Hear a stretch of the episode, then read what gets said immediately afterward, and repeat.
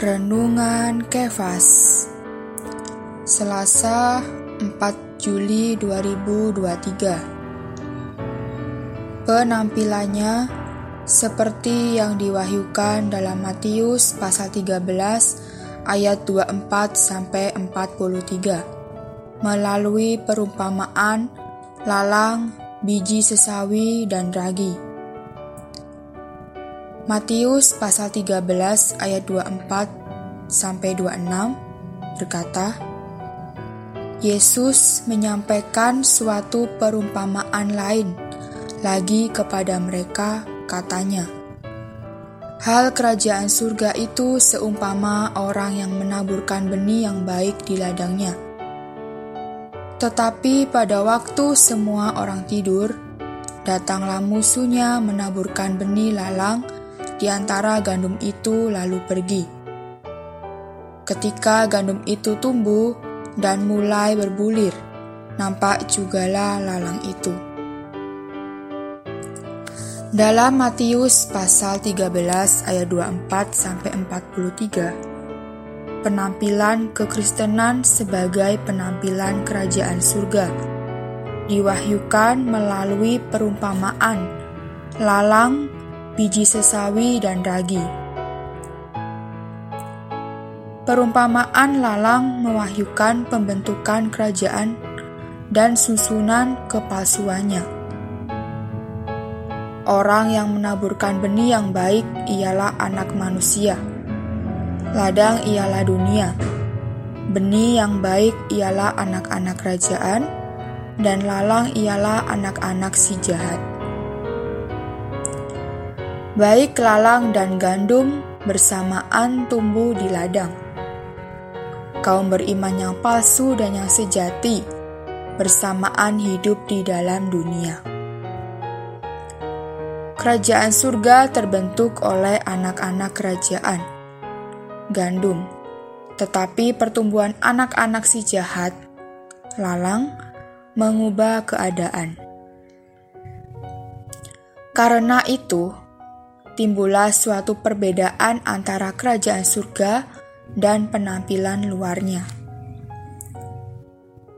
Sementara anak-anak kerajaan menyusun kerajaan, anak-anak si jahat menyusun penampilan luar kerajaan yang pada hari ini disebut sebagai kekristenan. Dalam pasal 13 ayat 31 dan 32, kita memiliki perumpamaan mengenai perkembangan yang tidak normal dari penampilan luar kerajaan. Yesus menyampaikan suatu perumpamaan lain lagi kepada mereka, katanya, "Hal kerajaan surga itu seumpama biji sesawi yang diambil dan ditaburkan orang di ladangnya." Memang biji itu yang paling kecil dari segala jenis benih.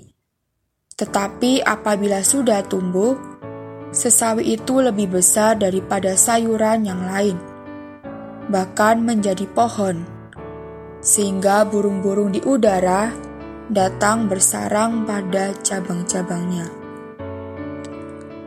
Gereja yang adalah perwujudan kerajaan seharusnya seperti sayuran yang menghasilkan makanan. Namun ia menjadi pohon, tempat burung-burung bernaung. Sifat dan fungsinya berubah. Perubahan ini terjadi ketika Konstantinus Agung mencampurkan dunia ke dalam gereja. Dalam Matius pasal 13 ayat 33, kita memiliki perumpamaan mengenai kebobrokan batini dari penampilan luar kerajaan. Dalam kitab suci, ragi melambangkan hal-hal yang jahat. Tepung terigu diperuntukkan kurban sajian, melambangkan Kristus sebagai makanan bagi Allah dan manusia sebagai kerajaan surga yang praktis. Gereja bersama Kristus, tepung yang halus dan tidak beragi sebagai isinya. Seharusnya menjadi roti yang tidak beragi.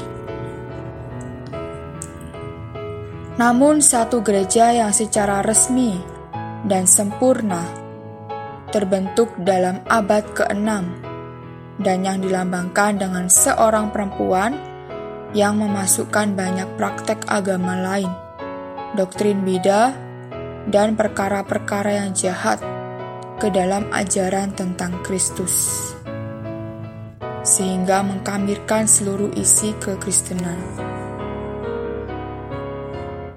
Ini menjadi isi yang rusak dari penampilan luar kerajaan surga. Penampilan luar kerajaan surga berada bersamaan dengan gereja di zaman gereja, tetapi tidak berada di dalam gereja. Prinsipnya, kita tidak mengizinkan lalang berada di dalam hidup gereja, dan kita tidak mengizinkan pohon besar dengan pertumbuhan yang tidak normal atau ragi dengan bobrokannya berada di dalam gereja. Terang hari ini, dalam manifestasi kerajaan surga, tidak ada percampuran, hanya ada Kristus Gereja yang adalah perwujudan kerajaan seharusnya seperti sayuran yang menghasilkan makanan. Doa hari ini berdoa agar dalam kehidupan gereja kita tidak tercampur, bahkan bertumbuh di luar fungsi seharusnya.